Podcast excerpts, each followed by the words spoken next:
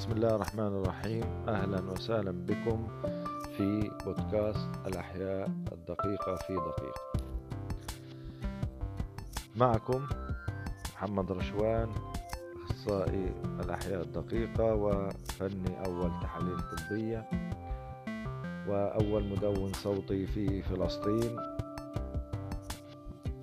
أقدم لكم اليوم الحلقة السادسة وهي عن روح خالي ماهر رشوان ادعو له بالرحمة والمغفرة. سنتحدث اليوم استكمالا لكتاب اشحن جسمك بالطاقة القصوى خطوة بخطوة لتحفيز جهازك المناعي عن ممارسة فائدة ممارسة التمارين الرياضية وطرد السموم من الجسم وعلاقتها بجهاز المناعة. كما نعرف أن التمارين الرياضية مفيدة للجسم ولكنها مفيدة أيضا للجهاز المناعي وذلك اعتمادا على بحث معين حصل في أمريكا. آه، طبعا التمارين الرياضية كل تمارين كل تمرين رياضي يختص بعمر معين. طبعا لا يمكننا أن نطلب من آه، شخص صغير أن يمارس آه، تمارين رياضية خاصة بالكبار. ولا يمكن أن نطلب من شخص عمره تسعين سنة أن أن يمارس تمارين رياضية خاصة بالشباب. كل عمر لديه تمارين رياضية خاصة به تقوي جهاز المناعة الخاص به على حسب سنه. أيضا هناك دراسات تقول أن النشاطات اليومية تقوي الجهاز المناعي خلال حياتنا ويمكن أن تدعم الجهاز المناعي من خلال رياضة المشي وهي من تكون من 20 إلى 30 دقيقة في اليوم. وهنا أؤكد أنه الدراسات تقول أنه يجب أن يكون هناك روتين. يجب أن يكون هناك روتين. آه، ليس فترة محددة ونمتنع أو نتوقف عن آه، ممارسة التمارين الرياضية. إذا إذا كنا نريد أن نقوي جهازنا المناعي يجب أن تكون هذا روتين يومي المشي من من مدة 20 إلى 30 دقيقة.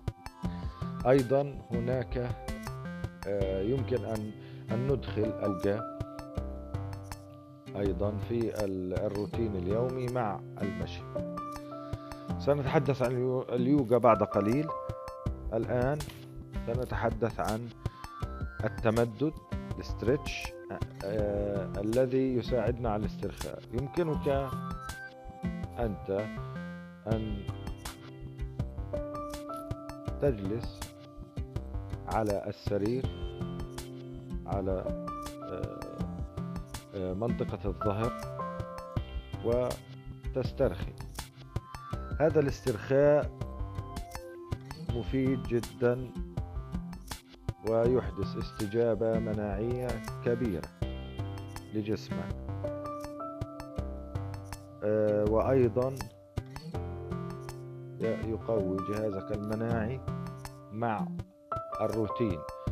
إذا الروتين مهم في هذه الحالة في الاسترخاء يقوي الجهاز المناعي من خلال زيادة في تدفق الدم داخل الجسم والجيوب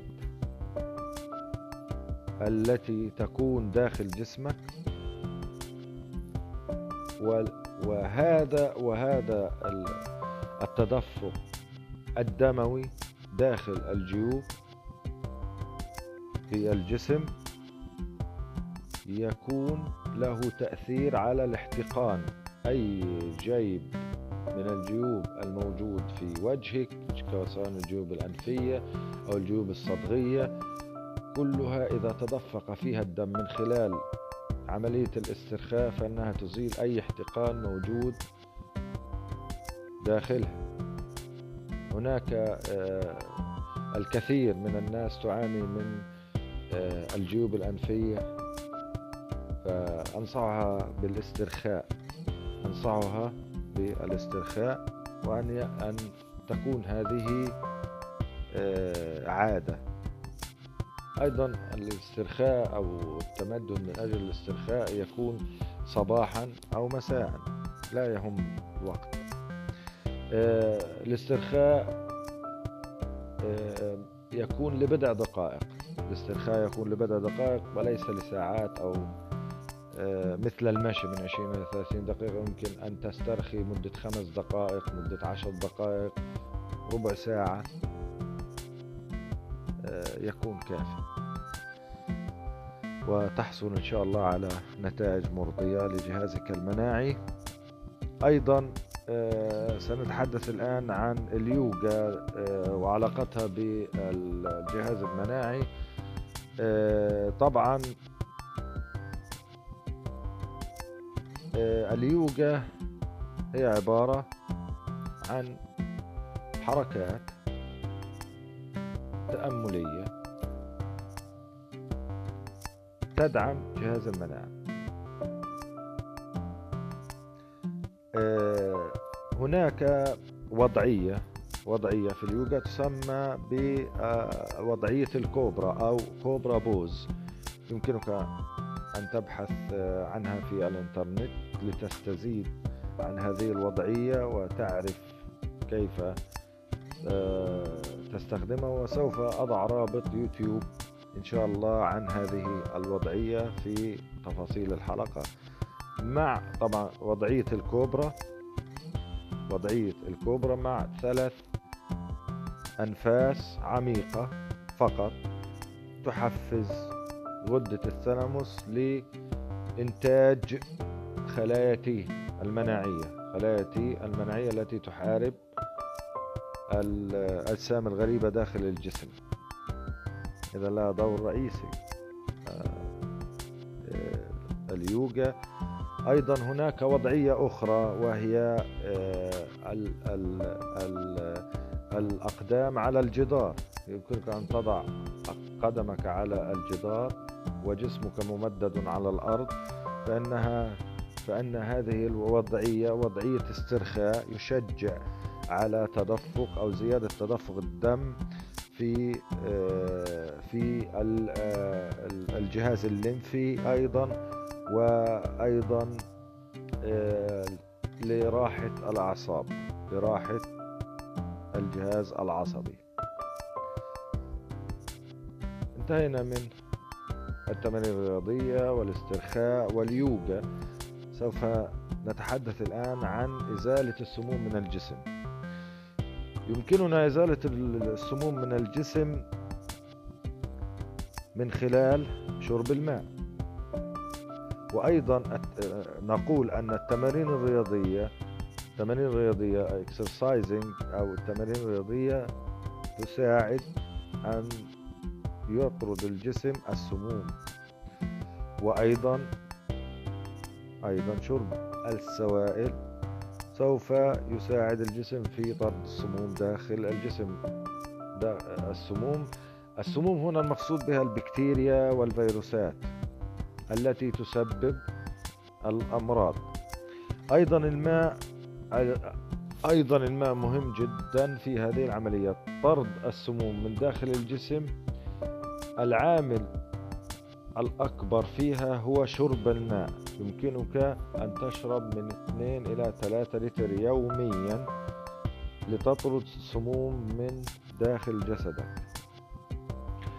75% هناك إحصائيات تقول أن 75% من الناس أو من البشر جمعاء يعانون من الجفاف أو dehydrated. ناس عندها جفاف. 75% تخيل هذا هذه النسبة. هذا هذا سبب أو سبب رئيسي أن معظم الناس يعانون من الأمراض أو أنهم لا يتعافون بسرعة من الأمراض. إذا شرب الماء مهم جدا في إزالة السموم من الجسم. هناك 75% من من البشر لا يشربون الماء بشكل كافي يوميا فلذلك يصيبهم المرض أو لا يتعافون بسرعة من الأمراض. أيضا الماء. نتحدث عن الماء أنه حيوي جدا وحساس في آه، آه، طرد السموم من الجسم. آه، طبعا عندما لا تشرب الماء طبعا العكس صحيح أنه عندما تشرب الماء فإنه يزداد معدل طرد السموم من الجسم. كلما شربت أكثر كلما زاد طرد السموم من الجسم. العكس صحيح كلما قللت الكمية التي تشربها من الماء فإنه يقل معدل طرد السموم من الجسم. آه، أيضا كما كما تحدثنا أن السموم وأريد أن أذكركم بأن السموم هي عبارة عن الفيروسات أو البكتيريا أو أي أجسام غريبة داخل الجسم. آه، يجب أن نشرب الماء. يجب أن نشرب الماء بكثافة من 2 إلى 3 لتر حتى نحارب الأمراض. آه، يجب أن نزيد استهلاكنا من الماء من 2 لتر إلى 3 لتر. وإليكم طريقة أننا يجب أن نحمل معنا الماء أينما كنا. أن نحمل زجاجة ماء يعاد تعبئتها كي لا نشعر ب نشعر بالجفاف. إذا يجب أن نأخذ معنا عندما نخرج أو في البيت. دائما الماء يكون بجانبنا في البيت حتى عندما نستيقظ نشرب الماء ننام بعد ذلك أو عندما نخرج يجب أن نحمل زجاجة صغيرة يعاد تعبئة الماء فيها دائما ولا تعيقنا عن أعمالنا. ولكن يجب أن يكون الماء متوفرا بصورة مستمرة معنا خلال اليوم. آه، يجب أن آه، نشرب الماء لكي يبقى جسمنا رطبا. يجب أن يكون الجسم دائما رطبا. طبعا الماء مفيد للبشرة أيضا. مفيد أيضا للبشرة مفيد لجهاز المناعة مفيد لطرد السموم. آه، هناك مؤلفات كثيرة عن الماء أنتم تعرفون أن الماء آه، له استخدامات عديدة لا تحصى في كتب. آه، طبعا عندما آه، ختاما للحلقة أقول أن الماء عندما الجسم عندما يكون رطبا. طبعا من خلال شرب من 2 لتر إلى 3 لتر من الماء يوميا فإنه يؤثر تأثير فعال في جهاز المناعة الخاص بك. ختاما للحلقة أرجو ألا أكون قد أطلت عليكم. شكرا جزيلا لكم و أذكركم بدعمي على منصة باتريون. الرابط سوف تجدوه في وصف الحلقة. أه تحياتي أه لكم جميعا. إلى اللقاء في حلقة جديدة. سأتحدث فيها عن النوم وكيف يجدد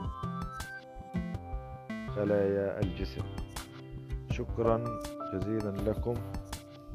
أعزائي المستمعين.